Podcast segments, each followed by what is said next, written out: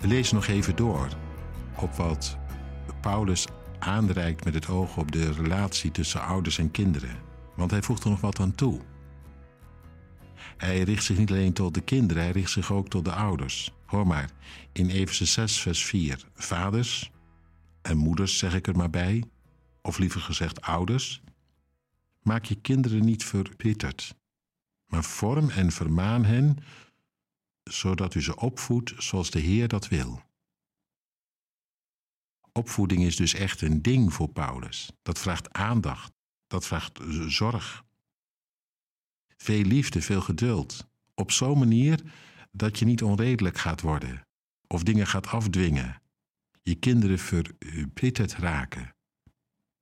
Omdat ze meer hardheid ervaren dan liefde. Meer afwijzing dan bevestiging. Meer afkeuring dan stimulans. Akelig is dat. Als je verbitterd raakt door wat je aan je ouders ervaart. Dat is misschien wel een van de ergste dingen. Want als kind ben je ervan afhankelijk. En dan kan er heel diep in jou zoveel worden beschadigd. Ook als mensen intussen ouder geworden zijn, volwassen, weten ze daar soms alles van, hoe lang dat doorziekt. En wat voor schade dat eh, geeft. Daarom, ouders, kijk uit wat je doet. Zeker, je mag hen vormen, vermanen als het moet.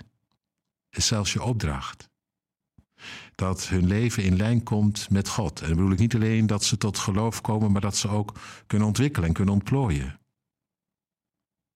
Maar laat het niet zo zijn dat jouw gedrag hen innerlijk tekort doet, beschadigt.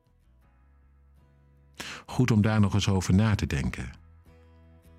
Op je woorden te letten, je af te vragen: leef ik de liefde die het daglicht van God verdragen kan?